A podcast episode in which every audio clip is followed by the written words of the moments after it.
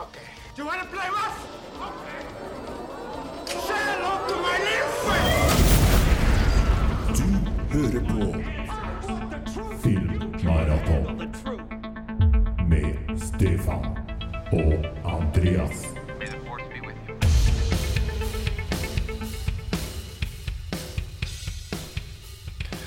Du sa til meg i sted, Stefan, at i blokka der du bor i Trondheim, så har du bevisst kjøpt en lydplanke som nesten ikke har noe bass i det hele tatt, som ikke skal forstyrre naboene. Ja, det, man må jo ta litt hensyn nå, vet du, når man bor i blokk. Ja, det er jo litt dumt, da. Eh, hvis, du, hvis du kunne hatt noe ordentlig utstyr oppi der, da, så har Hifi Life eh, en, eh, et nytt TV-stativ fra Geneva nå.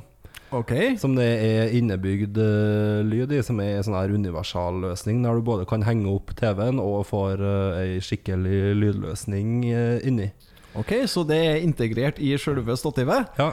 Så egentlig hadde det vært uh, topp at jeg hatt oppi, oppi der, men uh, du må jo sikkert ha den. Hvis du skal kunne ha den, så kan du ikke spille på noe høyere enn tre av hundre, sikkert. Jo, jo, jo. Det, det finnes jo anledninger. Ja. Det gjør jo det, men eh, Du vrenger opp når, når er du vrenger opp, da?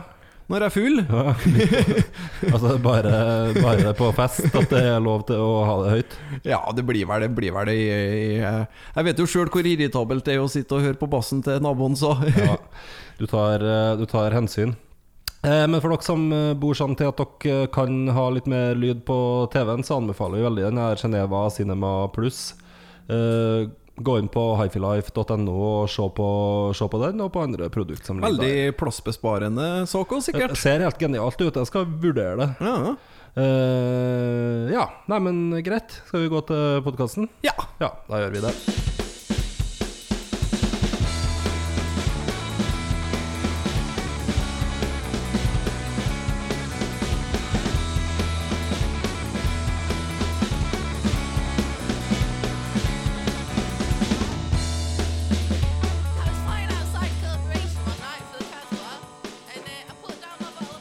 Velkommen til episode fire av uh, Filmmaraton. Uh, jeg heter Andreas Balstad. Med meg i studio har jeg Stefan Tollefsen. Hei sann. Halla.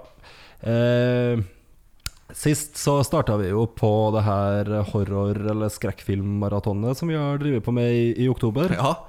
Og kom vel for så vidt gjennom, kalle den her Den delen av sjangeren som uh, hva skal si, tendere til å, å prøve å, å fortelle litt mer i historie og gå litt, eh, gå litt dypere inn der. Eh, I dag skal vi konsentrere oss mer om det vi kan kalle kommersielle. Ja, den her er filma som er ordna for å nå ut til et bredt publikum. Eh, gjerne at de har senka aldersgrensene litt, også, sånn at man, man får med seg ungdommen. Mm.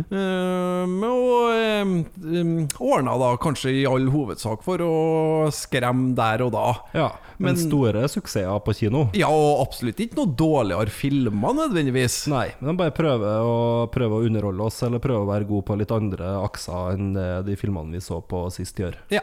Som kanskje er filmer som tar seg litt bedre tid og prøver å være, lage uggen stemning som kryper litt mer innpå deg, men som du sier, de her eh, er mer, kanskje mer umiddelbare ofte i, i uttrykket sitt.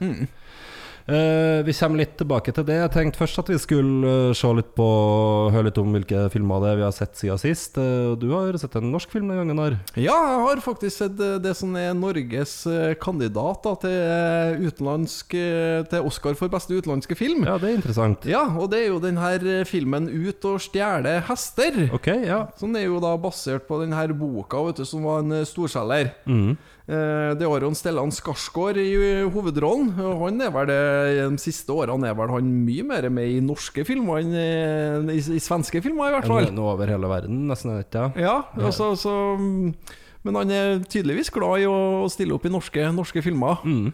Uh, filmen ser jo veldig bra ut. Skikkelig pent foto og har, har eh, så absolutt kvaliteter i den retningen. Eh, filmen er litt kjedelig, skal han være litt ærlig. Jeg har jo òg fått hørt at den boka og den er basert på, kan trekke ut lite grann.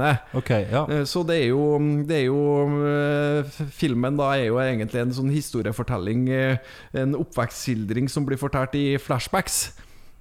Der vil du da følge, følge den unge, unge Stellan Skarsgård.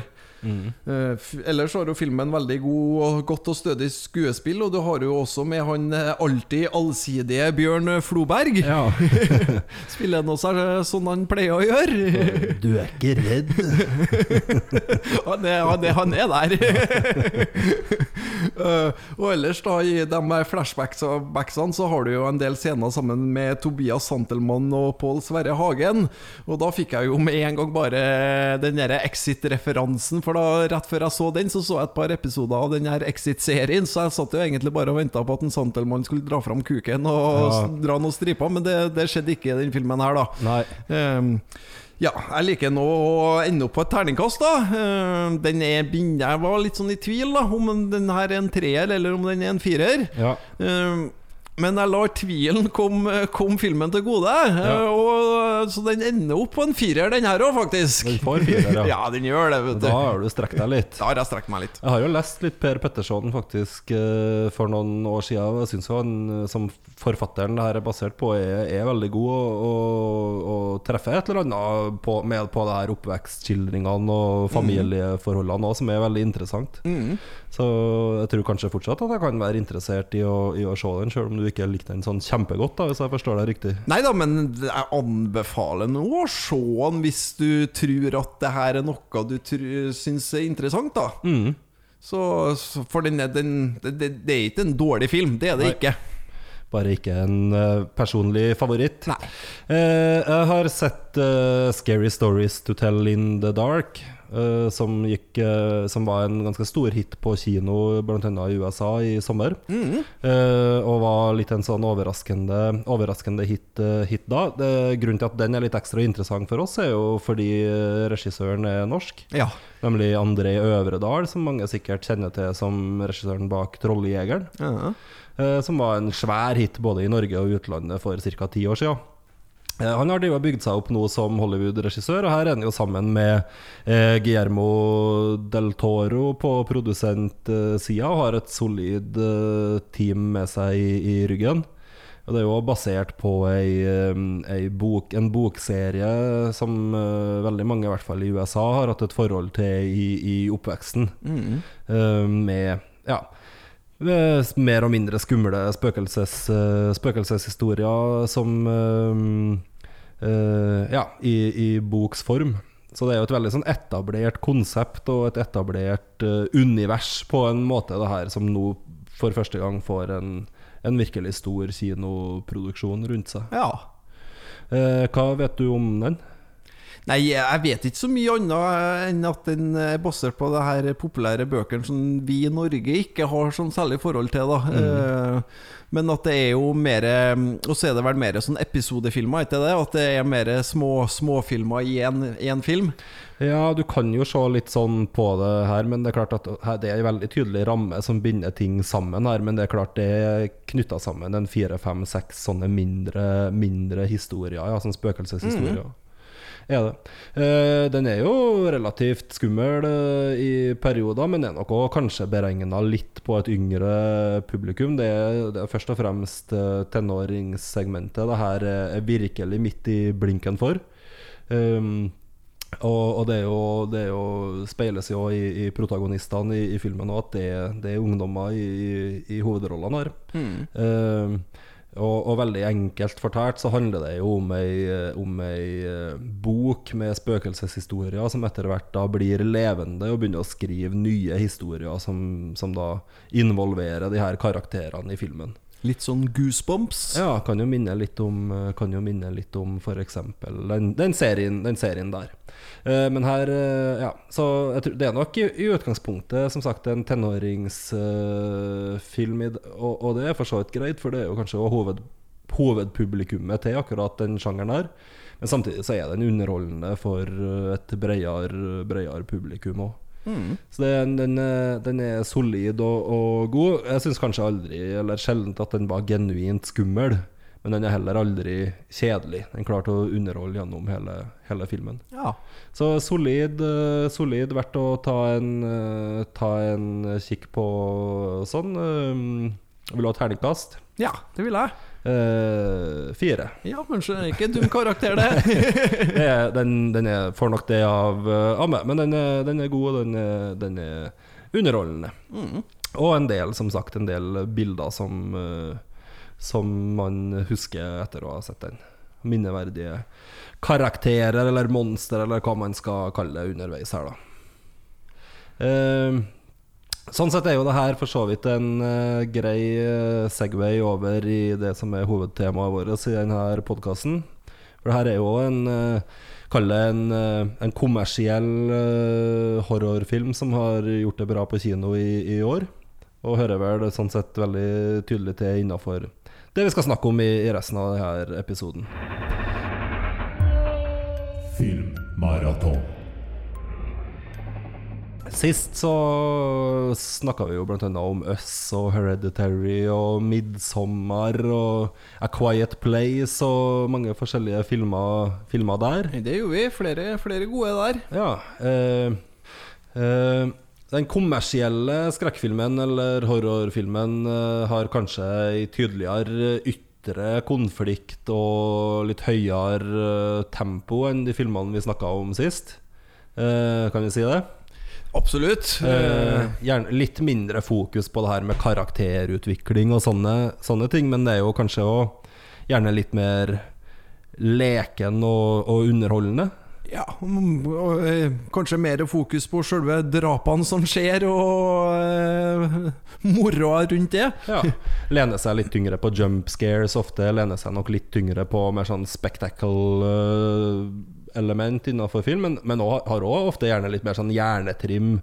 Uh, kan ha litt mer eh, humor, mer sånne, Ja. sånne Mange, mange sånne Ofte, typer ofte ting. humor blanda inn i. Ja. Ser man ser, La merke til at det var mye av de grøsserne så nå som hadde stor dose humor òg. Ja.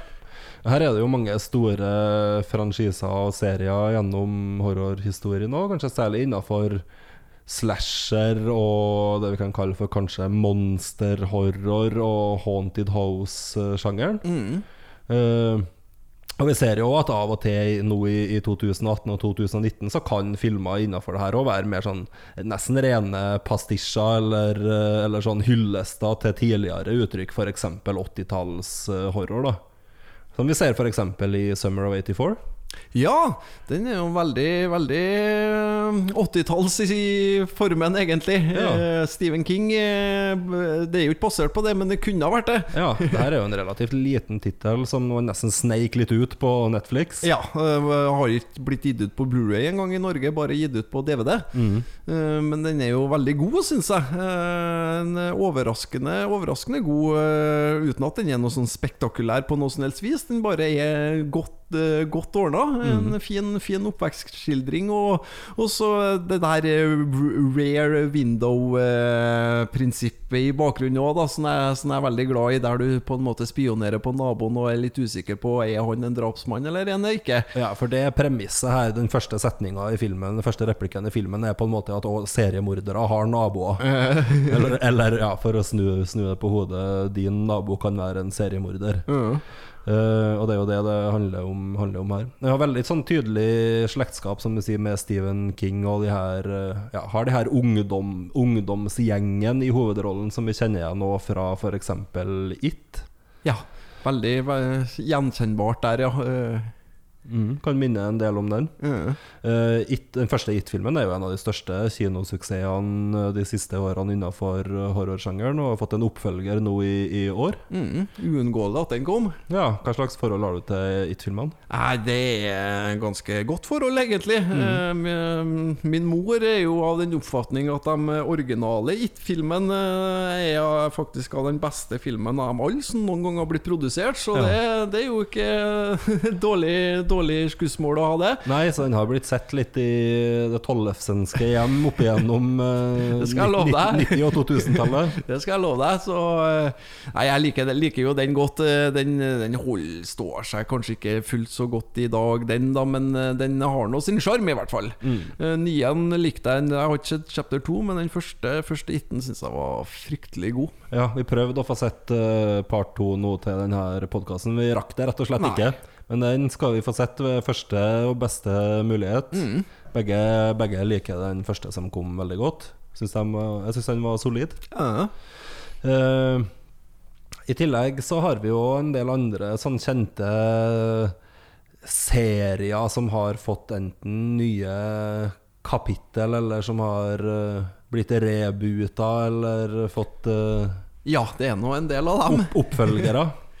Pet Cemetery er en av dem, men kanskje vi heller skal snakke litt kort om eh, Child's Play. Ja, kan ikke vi gjøre det? Det var jo en artig liten rocker, det. Ja, hva er det for noe? Nei, Filmen eh, i utgangspunktet er jo Child's Play, en film fra 80-tallet som fikk sine oppfølgere uh, utover. Kommer jo på er vel coveret til toeren. Jeg kommer på veldig godt fra VHS-hylla, VHS-hylla, der han, han Chucky står med ei stor sjaks over en sånn troll som kommer opp av væske. Ja. Um, liker nå for så vidt eh, den første Child's Play-filmen. Jeg har ikke eh, sånn, eh, sånn kjempesterkt forhold til den, men, men Chucky er jo nå en del av, av den moderne. Ja, sammen med Freddy Krüger Ja. og, og Michael Myers og sånt, så er Chucky den her rødhåra dokka som blir levende. Mm. Det er jo en del av populærkulturen vår. Uh, hvor mye av de gamle filmene kjenner vi igjen i den nye? Nei, ganske lite. Ganske lite. Bare, bare uh, at, det en, uh, at det er en uh, gutt som får ei ond dukke. Det er vel kanskje egentlig det som er mest likt. Uh, serien uh, for så vidt uh, med de originale skaperne har jo fortsatt med den Chucky-serien, men i TV-format. Ja. Så har, har den der nye Child's Play-filmen De har bare rettighetene til å ordne en film ut ifra det første, første premisset, på en måte. Mm. Så um, det som òg er interessant med Vi har jo flere regissører vet du, i Hollywood. Så vi har jo en nordmann som står bak eh, den her nye Child's Play-filmen òg. ja, Lars Klevberg. Ja, ja. Han har ikke ordnet, vel, har vel ikke ordna så mye før som jeg har hørt om, i hvert fall. Nei, han har vel lagd litt uh, kortfilmer og litt for uh, TV og, og sånne, sånne ting. Og så var han jo involvert i den her, en annen skrekkfilm som heter for Pol Polaroid, som òg kom nå i 2019. Så han er jo i ferd med å få et lite gjennombrudd som eh, eh, Som eh, skrekkfilmregissør i, i USA. Ja.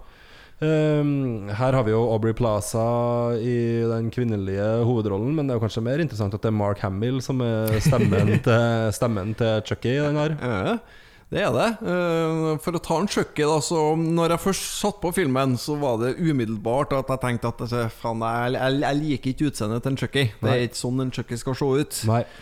Og du merker òg at det er CGI. At det ikke er ei praktisk dukke som er brukt, men det er en eh, dataanimert dukke. Eh, Men det der syns jeg gikk seg til ganske fort. Ja. Jeg måtte bare ha et lite sånn kvarter, kvarter på å bli vant til det.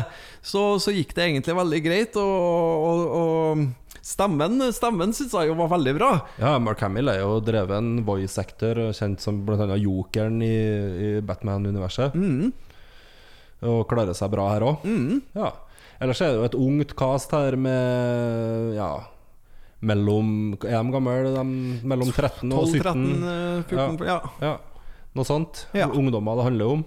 Den har jo voksen, den er jo, det er jo en voksenfilm, den har jo voksen aldersgrense, men det er jo samtidig og er jo Child's Play tydelig filmer som i noen grad appellerer til ungdoms, ungdomsskolesegmentet. Helt klart. Eh, Jeg hadde nok eh, Jeg likte den veldig godt nå òg, men jeg hadde nok kanskje likt den enda, enda bedre hvis jeg hadde sett den, eh, den da. Ja. Den er underholdende, Absolutt. kanskje ikke så veldig skummel. Nei, det er vel mer at det er en del artige drap og sånn som foregår. Ja. De er forholdsvis grafiske, dem også. Ja, de er det. Eh, Men samtidig så begynner jo kinopublikummet å bli vant til såpass grafiske ting. eh, Så um, Den blir aldri veldig intens eller ubehagelig. Den Nei. er relativt Den er un underholdende, er den eh, jevnt igjennom. mm. Og de har jo en helt annen tilnærming til Chucky-karakteren. Der I originalen eh, så blir han jo besatt av eh, ånden til en sånn massemorder. Ja. Mens her er det jo, går det jo mer på den her um, kunstig intelligens uh, som, som vi jo omgir oss om daglig. Og her er det jo den der dukka da som, som egentlig får bli med og se Motorsagmassakren 2. Ja. Det den han sitter og ser, den her ungdomsgjengen. Og Chucky òg sitter og ser på den og blir jo rett og slett eh, påvirka ganske dårlig av å ha sett den. Ja. Han blir det. Eh, så ja, den her gjorde det helt brukbart på kino. Ja, i USA vet du, så ble den jo lansert samme dag som Toy Story 4. Og ser du en link der Hva heter, heter han pjokken i Child's Play? Åh, heter han Andy? Ja! så, det, så da har vi Andy og hans leketøy, på en måte. Aha, da ok, er det sånn, ja? Ja, ja visst. Nei, det er jo litt smart, hvis det, i hvert fall hvis det ikke er helt tilfeldig. Nei, jeg, jeg, jeg tror det er en liten tanke bak det, ja. Filmmaraton.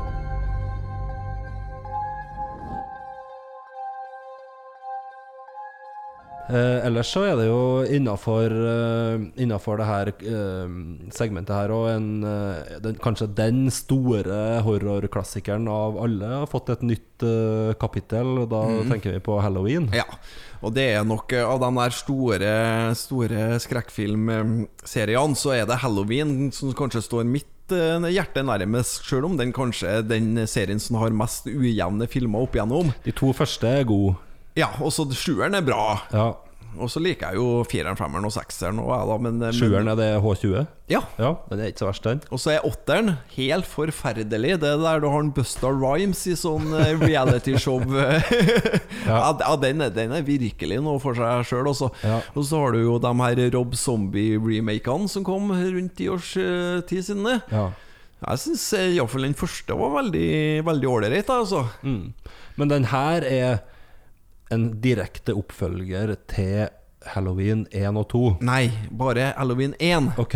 For at de, de adresserer egentlig litt i forhold til Halloween 2. For Ja. i Halloween 2 blir det jo avslørt at My Mike Myers er søstera til karakteren til Jamie Lee Curtis. Ja, sånn, ja. Mens i eneren så blir jo det avkrefta, om Ja. at det var jo bare noen rykter som for og gikk. Så, den, De den, ikke er søsken likevel, ja. så det er en direkte oppfølger til eneren. øh, Så at Mike Myers han, øh, Michael Myers blir, blir fengsla etter slutten av eneren. ja. Ja. Eh, men eh, om den her, Den kom jo i forbindelse med 40-årsjubileet til den eh, originale, da, som kom i 78. Så den burde jo egentlig hett Halloween 40 år senere. For, Den burde det, men den gjør ikke, den gjør ikke det. Den, jo, den kommer jo 20 år etter H, H20. Eh, men om, det, om den her så er det vel bare å si They make them like they used to. ja, Den er solid på alle vis, egentlig. Jeg kom veldig i den gode, klassiske halloween-stemninga allerede fra åpningssekvensen av. Likte den veldig godt. Det er en god og sjarmerende cast. Ja. Uh, den er relativt godt skrevet til å være innafor den sjangeren her. Gode, gode, troverdige replikker, sånn mer og mindre, i hvert fall. Jeg er enig. Uh, samtidig som den har en del humor. Ja.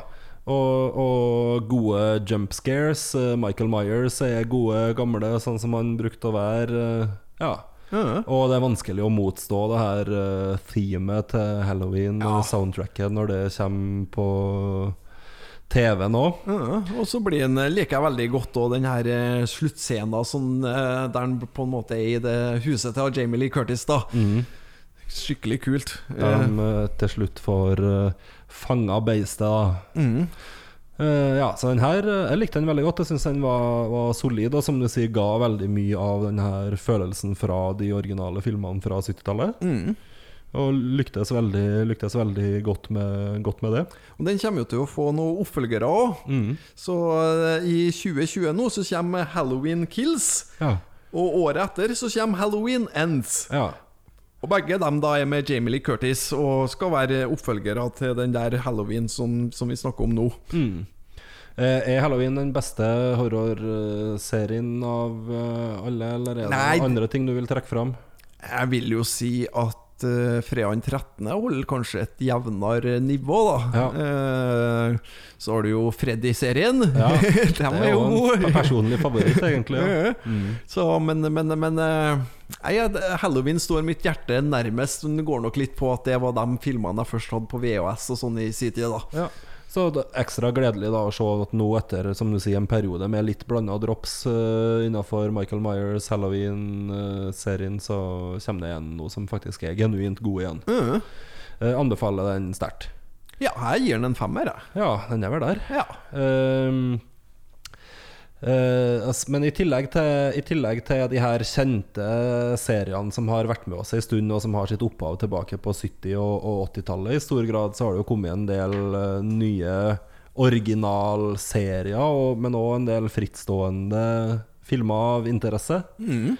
Uh, Innafor The Conjuring-universet så har vi jo fått både The Nun og nye, stadig nye Annabelle. Og Ja, ja, de er oppe i tre Annabelle-filmer nå? Ja, og vi har òg det her Curse of La Lorona. Ja. Um, så de driver hele tida og utvider universet sitt, eh, sitt der, og, og, og samtlige av dem gjør det bra på kino. Mm. De går, eh, går for fulle hus, nær sagt. De to første Conjuring-filmene De syns jeg var veldig, veldig bra.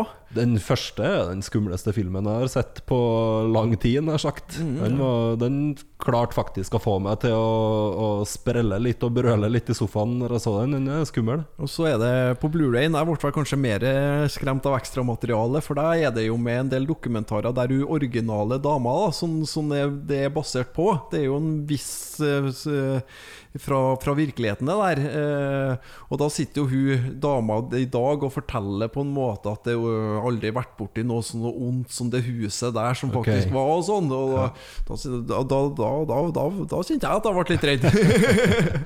En annen Jeg har jo, så jo The Nun nå som en del av maratonen. Hvordan var den egentlig? Det er jo jumpscare-fest. Det, òg. det Det er jo Ja, den er jo skummel nok, på en måte, men jeg syns eh, kanskje ikke den holder helt det samme kvalitetsnivået som f.eks. originale Conjuring. da Nei, for jeg så jo den første Annabelle-filmen, og den ble jeg veldig skuffa av, rett og slett. Jeg likte ikke den. Eh, Den ble for eh, Ble for lettvint, for kjedelig. Det Ja, jeg er heller litt mot det at kanskje mye av de her oppfølgerne er lener seg for tungt på jumpscares og for lite på andre, andre interessante elementer. At det blir litt, oppskrift, litt oppskriftsmessig. Men det er helt åpenbart en oppskrift som fungerer, for, fordi det er ingen andre horrorserier eller franchiser i verden nå som gjør det i nærheten av like bra som det Conjuring-universet gjør det. Nei. Så det går jo, går jo hjem hos uh, ganske store deler av publikum. Eh, en annen film som du har sett, det er den her Ma.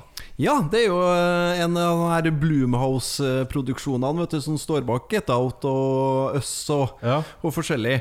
Eh, det som jeg, jeg først la merke til i den filmen, Det er jo at da Juliette Lewis er tilbake på lerretet. Hun er jo lenge siden vi har sett på film. Ja. Og øh, en ting jeg òg beit meg merke i, øh, uten at det er så skummelt, da, men da Juliette Lewis i den filmen sitter og har John Hughes-maraton. Okay. Så jeg tenkte at, det, at vi, det kan vi nå tenke på om vi skal følge Juliette Lewis en gang og ha, og ha det. Kanskje det er det neste? Vet ikke. Nei. Så øhm, ja, ellers så er det jo Det er jo en sånn ungdomsfilm da der vi følger en sånn ungdomsgjeng som, øh, som øh, bor i en liten småby og trenger en liten Trenger en plass, plass for å ha fest. Og alt det her er jo veldig gjenkjennelig, egentlig. Og At man har på en måte Først er det å få tak i drikkevarene, og så er det å finne en eller annen plass å ha det. Og da er det at de finner ei, ei, ei dame da som heter for Sue Ann, men som vil kalles for Ma.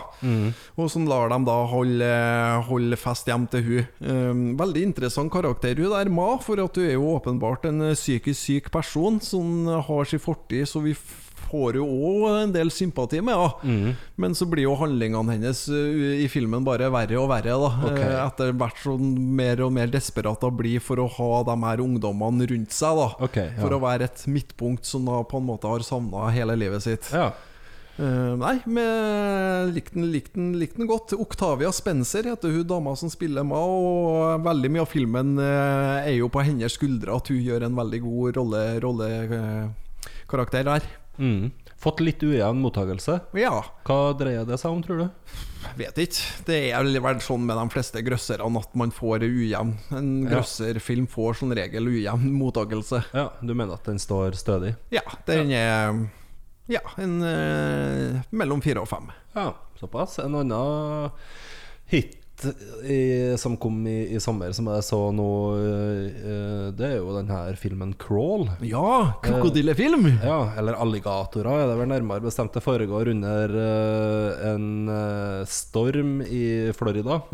Der eh, og, og foregår da eh, under et hus, eller altså det som man i USA kaller for en crawl space. Altså det her eh, Hvis huset er heva litt opp fra bakken, så har man liksom akkurat en liten meter der man kan drive og bevege seg på under huset. Og Der blir hun her hovedpersonen og hennes far da fanga under denne eh, stormen, og etter hvert så begynner jo å komme eh, alligatorer og plage dem, eh, plage dem under Har lyst til å spise dem. Har lyst til å spise dem. Klarer jo å spise litt folk òg, men ikke det får nå se filmen sjøl for å se om de Ja, klarer å spise, spise dem eller ikke. da Det er en film jeg skal se, i hvert fall. Så, når jeg så at den kom på kino, at jøss, tøft, nå kommer det endelig en krokodillefilm igjen. Det er, en, det er jo en liten sånn smal sjanger, det som, som har levd litt sånn på, som en subsjanger til eh, Vi har jo den her eh, Lake Placid, det er jo, det er jo en klassiker, vet du, som jeg er glad i. Og så har de her italienske Killer Crocodile-filmene fra starten av 80-tallet. Ja. Nært beslekta med slangefilmen, selvfølgelig. Ja, ja, ja, alt det her og, og, og edderkoppfilmen.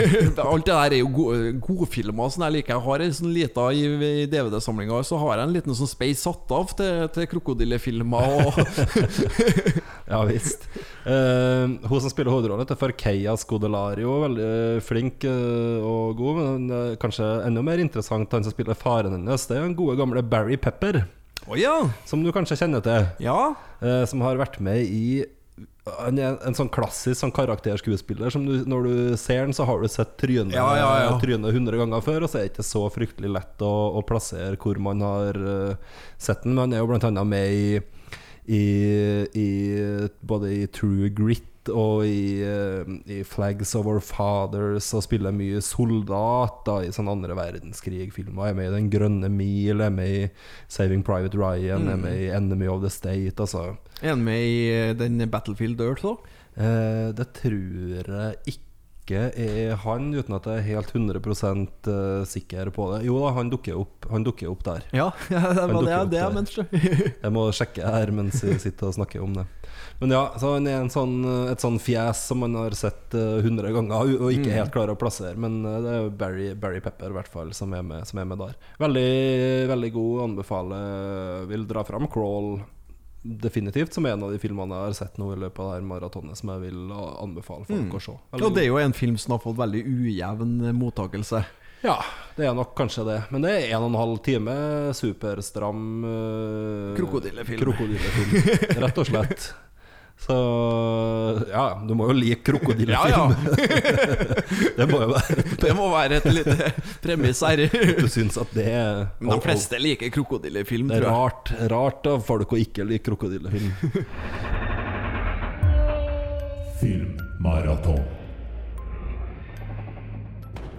En vi snakker om ujevne filmer, kanskje den som har fått nesten mest ujevn mottagelse i året, som enten er liksom på årets beste-listene til folk, eller uh, regnes som en stinker, nesten, det er jo Escape Room. Ja. uh, den har vi sett. Mhm. Hva slags type film er det? Eller, Det her det, det, ligger jo litt i navnet. Det ja. om escape rooms. Det, det er jo det. Det er jo de her nye populære som finnes i de fleste byene nå. Ja. Der du blir låst inn i et rom, og så skal man ta finne clues da, for å komme seg ut. Mm. Vi snakka jo så vidt i forrige episode om at eh, man må ha et monster, og så må man ha et hus der det monsteret er i. Og det her er jo den filmen der eh, selve huset er monsteret. Ja. Det er jo litt interessant. Hvordan fungerer det? Det fungerer jo på det viset at man blir satt eh, i det her escape rommet. Alle møter jo opp i, i den tru at det her er helt trygt, og her er bare moro. Eh, Men så begynner det jo etter hvert å skjønne at det her er jo ikke bare trygt og bare moro. Man holder, man holder jo på å bli brent i hjel allerede i første rommet. En eh, ok ensemble-cast her, uten at kanskje skuespillet er det man biter seg mest merke Nei i. det, nei, det er jo ikke det som er, er det viktigste. Jeg syns de fungerer. De gjør seg ikke verken eh, eh, Ja, de gjør det de skal. Ja. Men vi finner jo Her, her er- ligger jo underholdninga mye i å på en måte være med dem inn i denne leken og se klarer de faktisk å komme seg ut og videre til neste rom, eller hva er det som, som, eh, som skjer her eh, med de, de involverte? Mm. Jeg syns jo den var veldig oppfinnsom, egentlig. Ja, jeg har likt den bedre enn det jeg ser mange andre gjør. Eh, jeg syns den, eh, den eh, er kreativ. Mm, var, og den gikk så fort å se, på en måte. For at Ja. du tok liksom rom for rom for rom, og så var, det såpass intens at du måtte jo på en måte følge med, følge med inn til neste rommet. Ja. Og den er vel eh, er nok eh, noe som legger opp litt til potensielt flere oppfølgere. Mm. Og mulig en ny, ny liten frittstående franchise der som holder på å bygge seg opp. Hva, hvordan av de rommene hadde du helst minst ville ha vært i? Eh, jeg vet det her biljardrommet der gulvet forsvinner. Det tror jeg er noe sånn særlig det- for min nei. del, som har litt sånn der avsatshøyde høydeskrekk. Det tror jeg hadde vært siste sukk for min del. Men noen av de andre virker jo ikke så verst, da, sånn som den her eh, hytta og Ja, ja, det, ja hytta, og så har du vinterrommet òg. Ja, det er jo ikke det verste. Men det her biljardrommet der gulvet bare sakte, men sikkert forsvinner, det tror jeg hadde vært det verste for min del. Ehm, ja, vi har nå begynt å ha vært gjennom mye av det vi tenkte skulle nevne her, men det er en vi ikke har sagt så mye om ennå, og det er Happy Death Day to You. Ja. Eh, Det er oppfølgeren til det som òg var en ganske stor hit da for eh, tre år siden. ja. nå rundt der, ja. Eh, happy, som het for Happy Death Day. Ja, og det, det her er jo- ganske lekne horrorfilmer. Er det. Grunnpremisset er jo Alle kjenner jo til Groundhog Day med Bill Murray. Og så har vi en actionvariant av den igjen, med Tom Cruise, som heter Edge of Tomorrow. Og så har du egentlig grøsservarianten da med Happy Death Day. Ja. Eh, og det handler om ei jente som våkner opp uh, etter en fest og ikke vet helt hvor hun, er, og så finner hun ut i løpet av uh, kort tid at hun blir drept igjen og igjen og våkner på samme sted igjen og igjen. Og den første er for så vidt underholdende, men relativt kjente ting på en måte. Ja, så det er jo, det er jo Groundhog Day, bare i grøsser variant. Også Ja, i tillegg til at den spiller på mye av de her klassiske grøsserkonvensjonene vi kjenner, da. Ja, og som også da på en måte betyr at den eh, eh, Ja, det er klassisk sånn her du må bli en bedre person for å klare å bryte Ja, den her loopen. For hun er jo ikke noen sånn kjempe, kjempetrivelig dame heller. Hun, hun Nei, i hvert fall ikke til å, til å begynne med, da. Så den første, den første er underholdende, men for så vidt òg Skal ikke si lett glemt, da, men, men ikke men, men ganske tradisjonell uh, ellers i formen. Den andre, den gjør mye rart. Den gjør mye rart, vet du.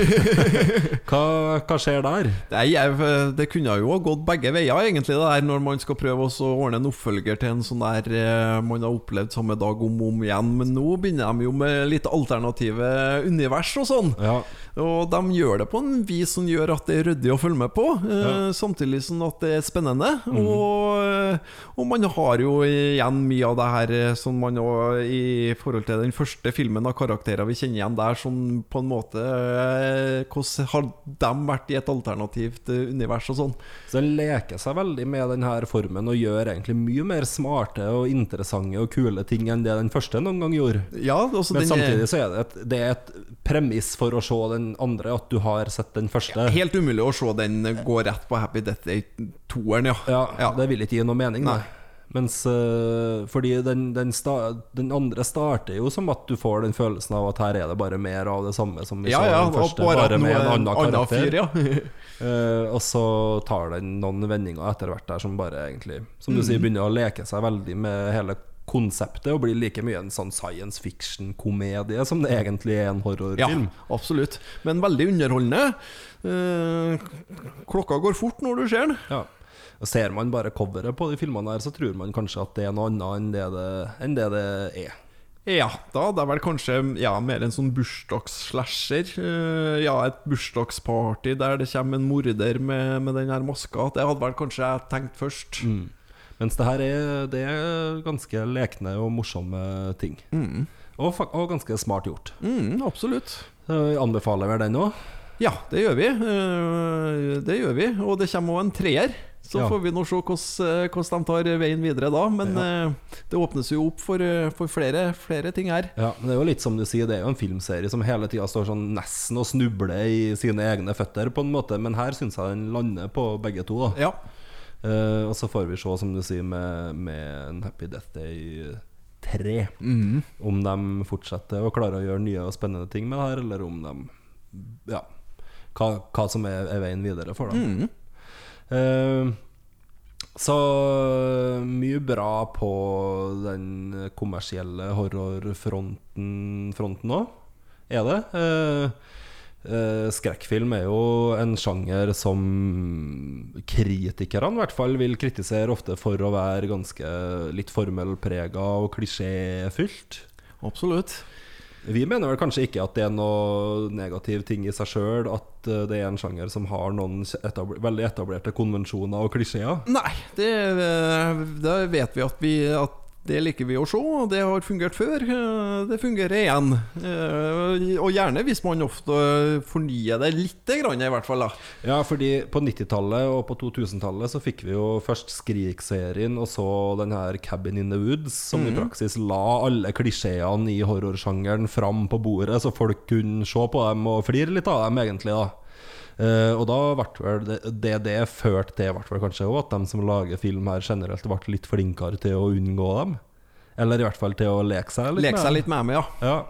Uh, Så tenker jeg jo sånn I en sånn film Sånn nyinnspillinga nyinnspilling av Eller den her oppfølgeren til Halloween Som vi snakket om i stad Så har jo folk fungerende mobiltelefoner ja. De kan fakt Ja, faktisk ringe til hverandre uh, Og snakke med hverandre uh, Selv om du fortsatt Og innenfor horrorsjangeren hele tiden Ser folk miste mobiltelefonene sine Eller mobiltelefonene deres Blir overkjørt av en bil Eller går tom for batteri På et litt ugunstig tidspunkt Og sånt Så så er det jo fortsatt Ja. Den klisjeen er i hvert fall i ferd med å bli endra litt på. Uh, men samtidig så ser vi jo at eh, når vi har sett så mange filmer på en gang som vi har gjort nå, så er det umulig å ikke legge merke til at det er en del likhetstrekk. ja. Eh, nødvendigvis.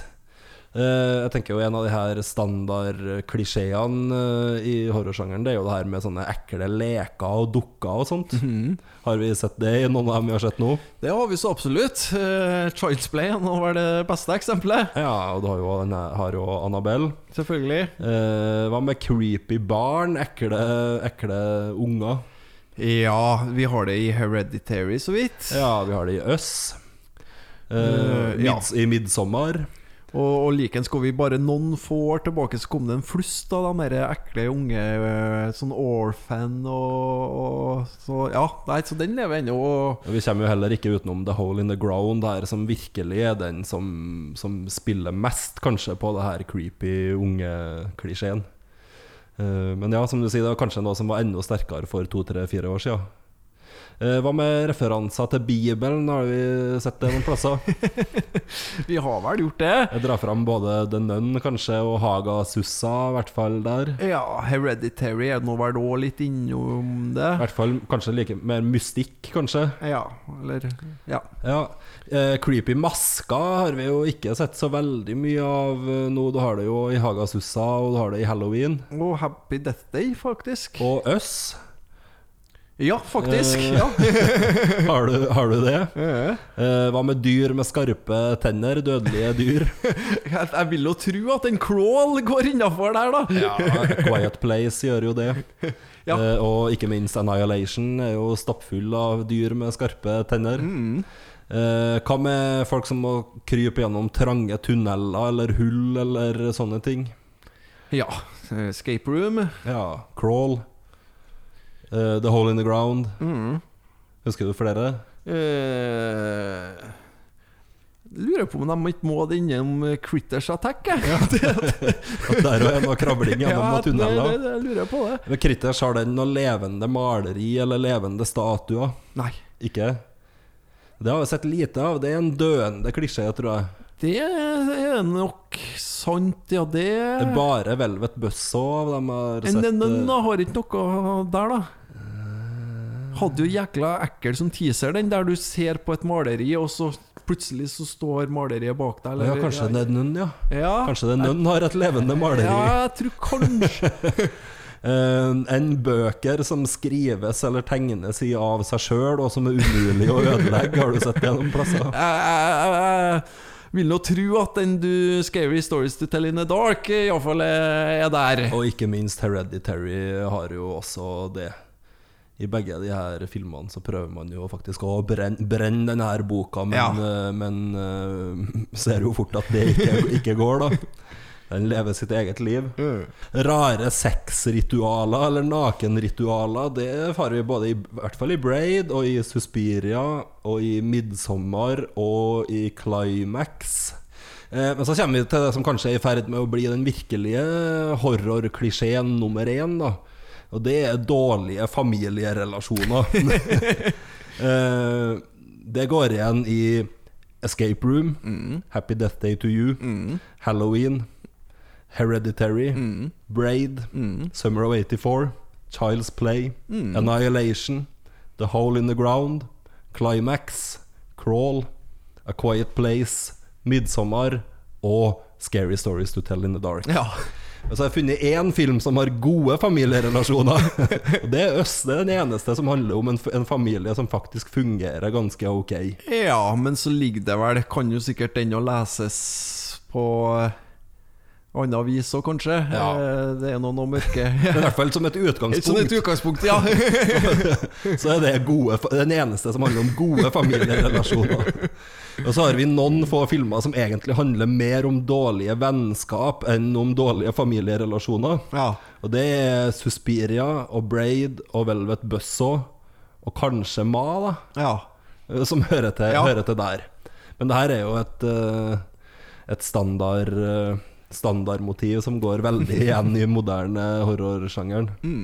Eh, den aller siste, det er litt fin en òg, som vi har sett mange plasser, og det er den her Det man egentlig er redd for, er seg sjøl. ja. Aka man møter sin egen klone, da. Uh, uh, som en Will Smith gjorde i Gemini Man. Ja. Og det ser vi i Annihilation, vi ser det i The Hole in the Ground, vi ser det i Happy Death Day to You, og vi ser det i Us, blant annet. Så det er jo i ferd med å bli en, en ny sånn horrorklisjé. Hva er du redd for? Jo, jeg er egentlig mest redd for meg selv. Ja, men det, det stemmer jo mye sånt i det, da. Går an å kjenne seg igjen i det? Filmmaraton.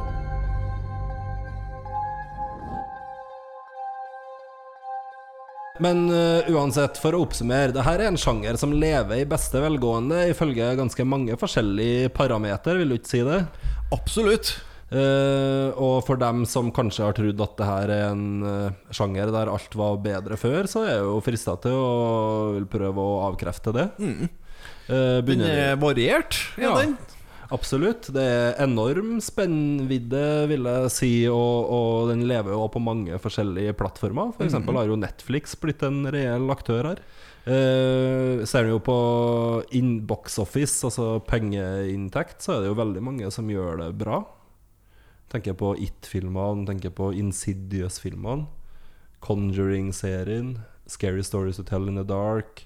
Alt det her har vært ganske store box office-hits.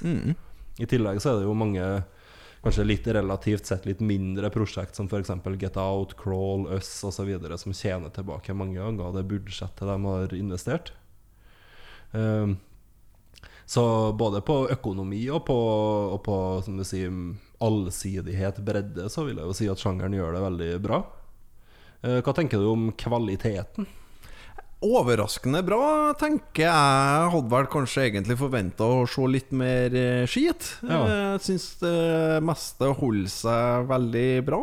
Det Ja. Ser du på både sånn Og ser du jo eh, Jeg er enig, jeg har også sett veldig lite som jeg syns var direkte svakt nå. Eh, og, og ser du jo på sånn som Hereditary, Us, It, A Quiet Place, Midsommar, så er jo det jo sånn, blir jo det jo faktisk kritikerfavoritter.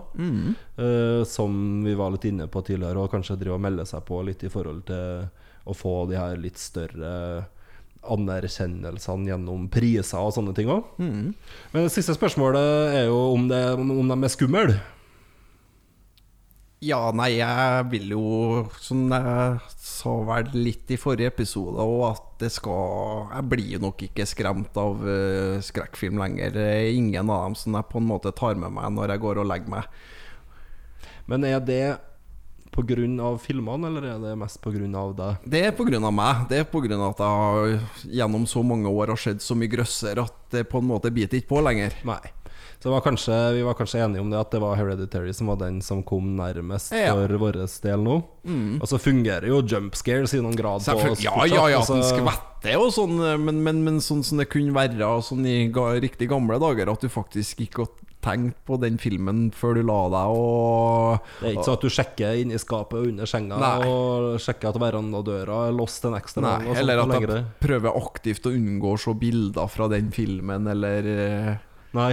Det eh, Those days are gone. Så nå er det vel mer sånn der eh, Sånn true crime-podkast, Sånn som jeg blir litt mer skremt av. Ja, det er der du Det er der du kan bli litt redd.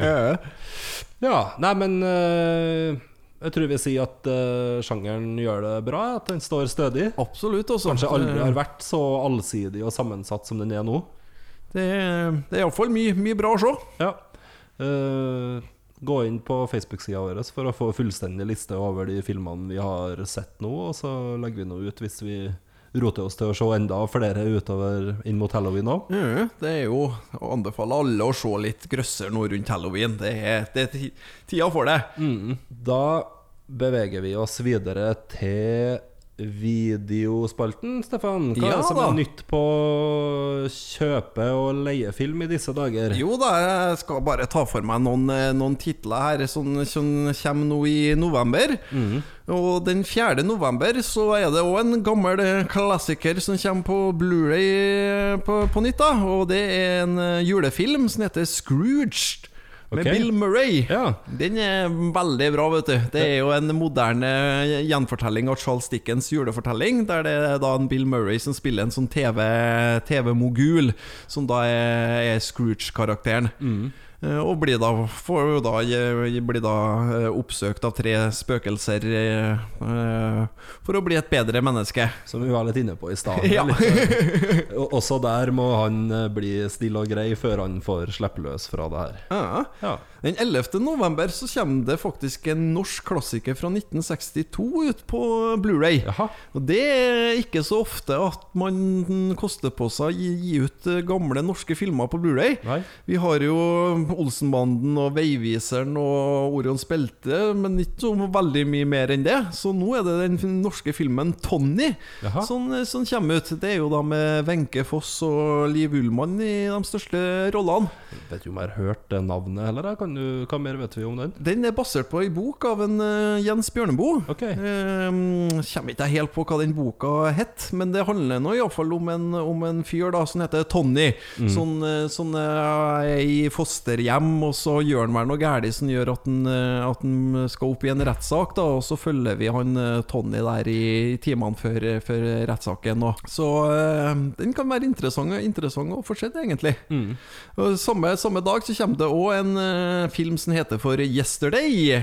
Ja. Den er jo basert vet du, på eh, om, hva om Beatles ikke hadde funtes. ja.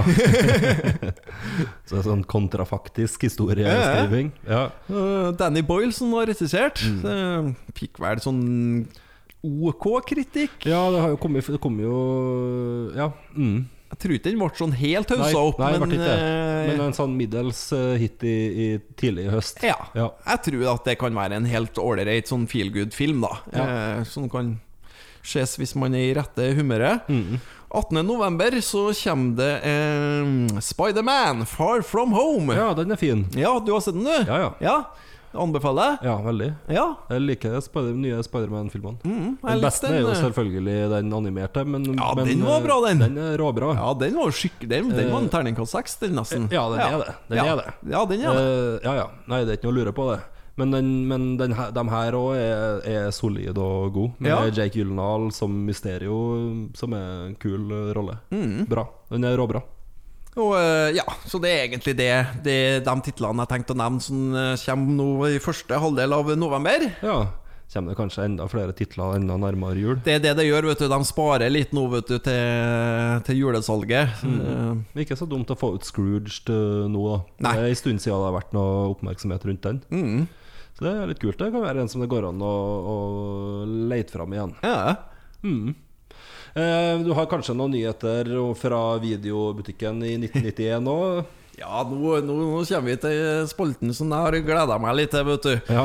For da, i episode to så var vi jo innom eh, videobutikken i oktober 1991. Ja. Nå har det jo gått en eh, liten måned siden da, eh, så da skal vi innom videobutikken november 1991. Ja, da vet vi jo egentlig at det kommer en virkelig storfilm her som månedens toppfilm. Det gjør det, for det hang jo noen plakater når vi var i butikken i oktober om 'Kommer på video i november'. Ja. Som mange, mange sikkert har gleda seg til. ja, og hva er det for noe? Månedens toppfilm for november, det er intet mindre enn 'Danser med ulver'. Ja. så Som det, var den største filmen i verden en periode. ja det, det må den jo ha vært. Den var det.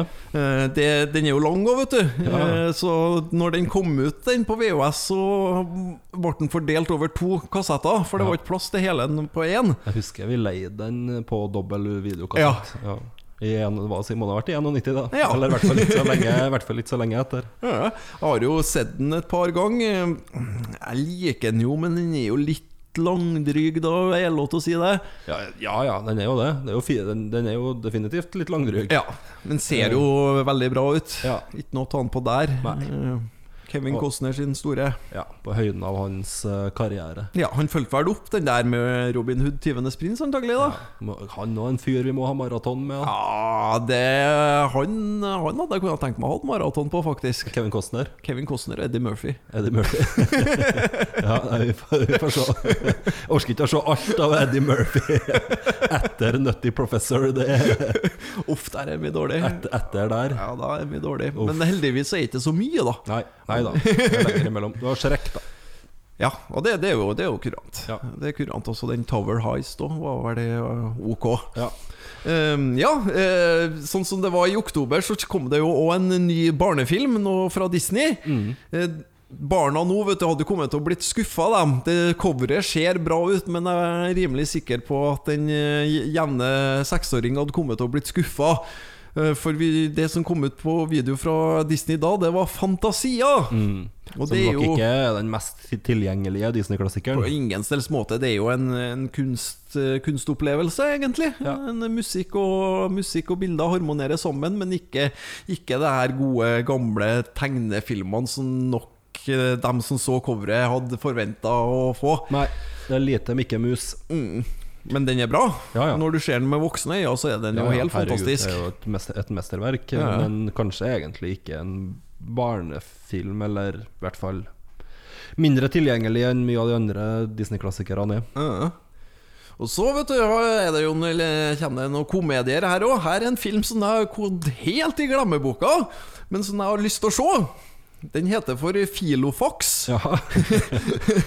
Og på coveret her da så er det en James Belushi og en Charles Grodin. ja. Og da ser du en Charles Grodin ligge som begravd i en sånn Filofax, mens det er en litt sånn kul James Belushi med capen bak fram og, og eh, hendene fulle av dollarsedler sitter oppå den Filofaxen, da. Ja.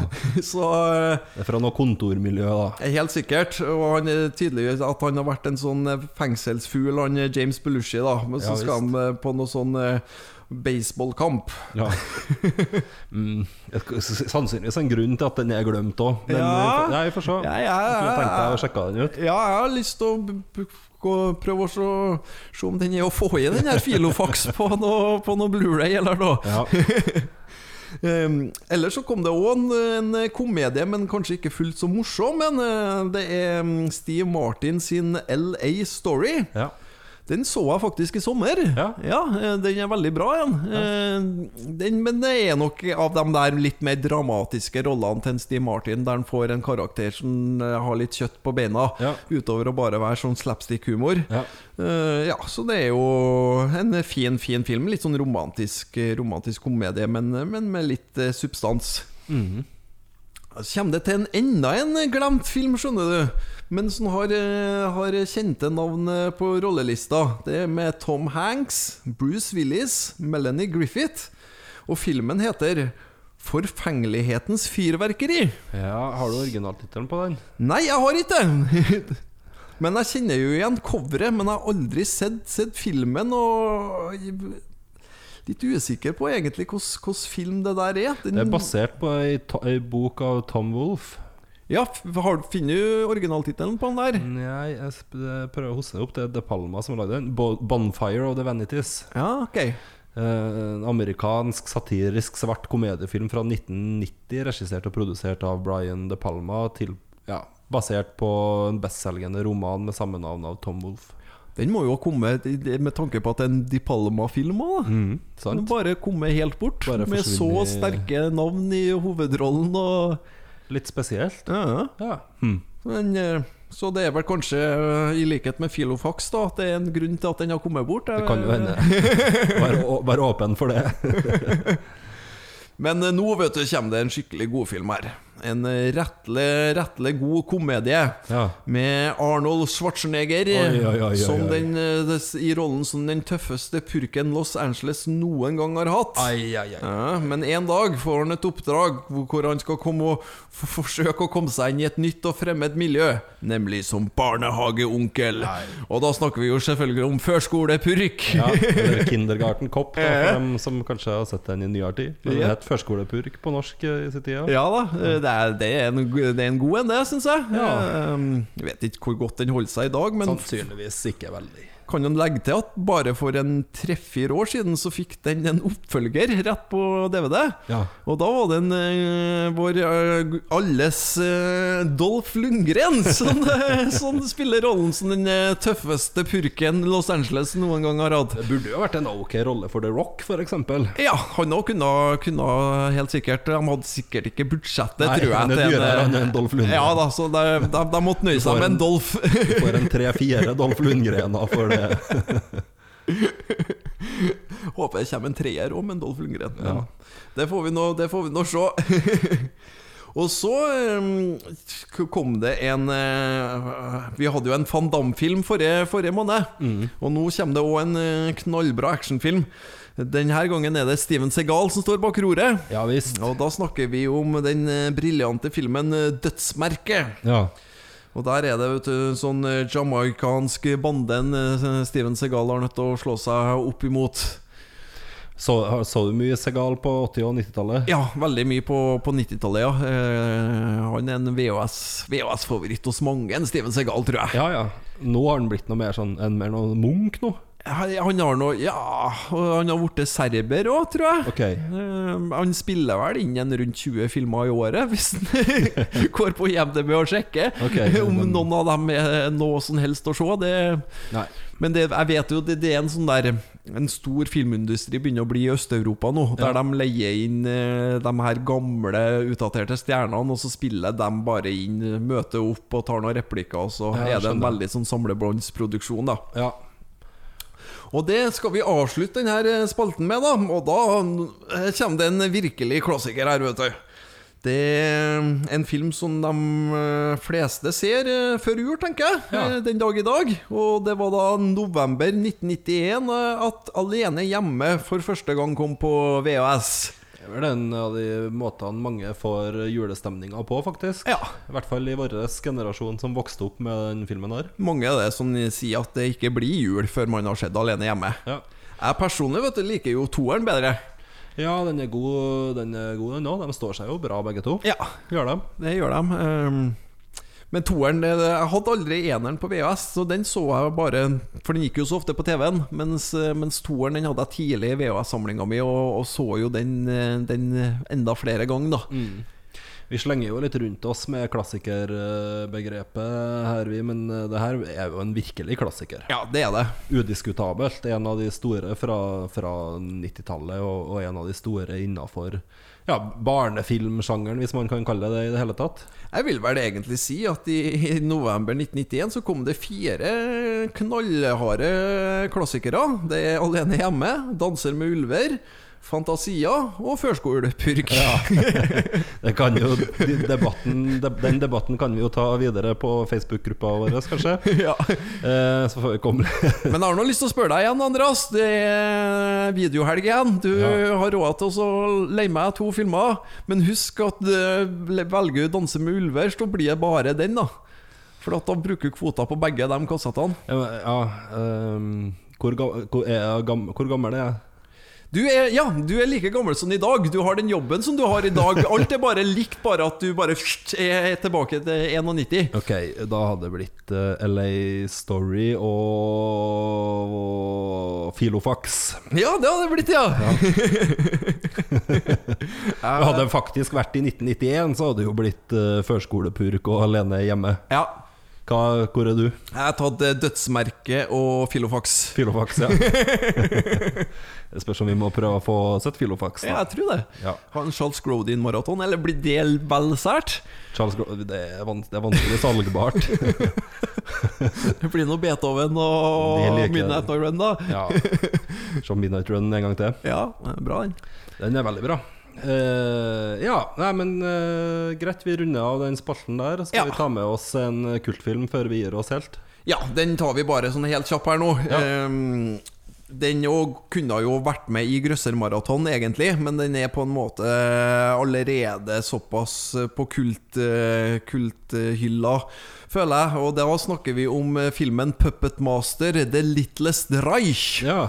Du kan jo se litt, det er jo litt sånn eh, nazi... Naziskjelett. Ja da, og du kan jo se litt uh, her, og det er noen stygge, stygge dukker og, og forskjellig. Så det her er jo da en nyinnspilling av filmen fra 1989, som endte opp med å få en rundt ti oppfølgere. Jeg datt av tellinga rett og slett når jeg sjekka på IMDb. Den bare har fortsatt å pucka ut, men nå har de på en måte starta på nytt da med den her nye Puppet Master. Ja. Og det handler da om eh, sånn marionettdukker som er på drapstokt. Um, filmen inneholder mye nakenhet, som er jo Ja. en god pluss for å være en kultfilm. Og ikke minst så inneholder den han skuespilleren Udo Kier. Ja. Han eh, Er jo han med, så er det jo nesten en kultfilm med en gang, vet du. så han spiller noen å være noen gammel nazist der.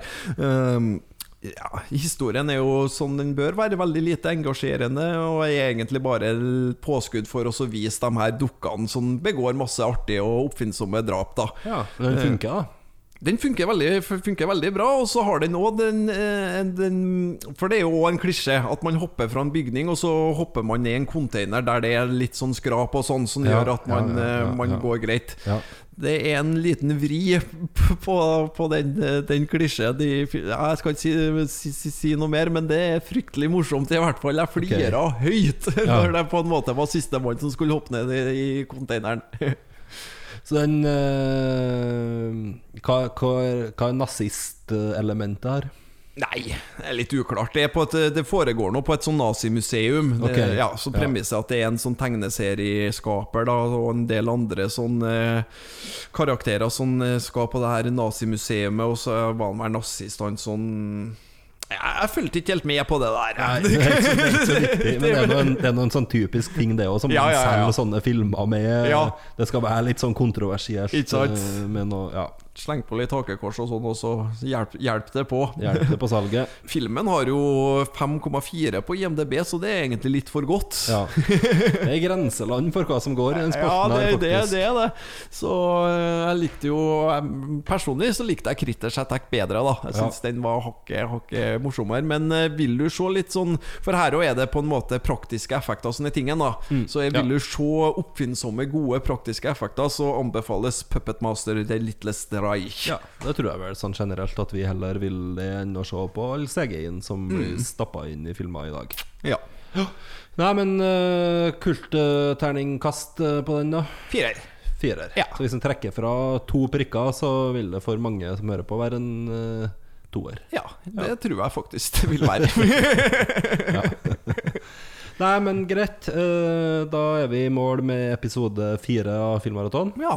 Eh, vi fikk ikke bestemt oss for noe nytt maraton nå, det får vi nesten bare komme tilbake til. da ja. Nei, men Da er vi tilbake med en ny episode om ikke så altfor lenge. Det er vi, vet du.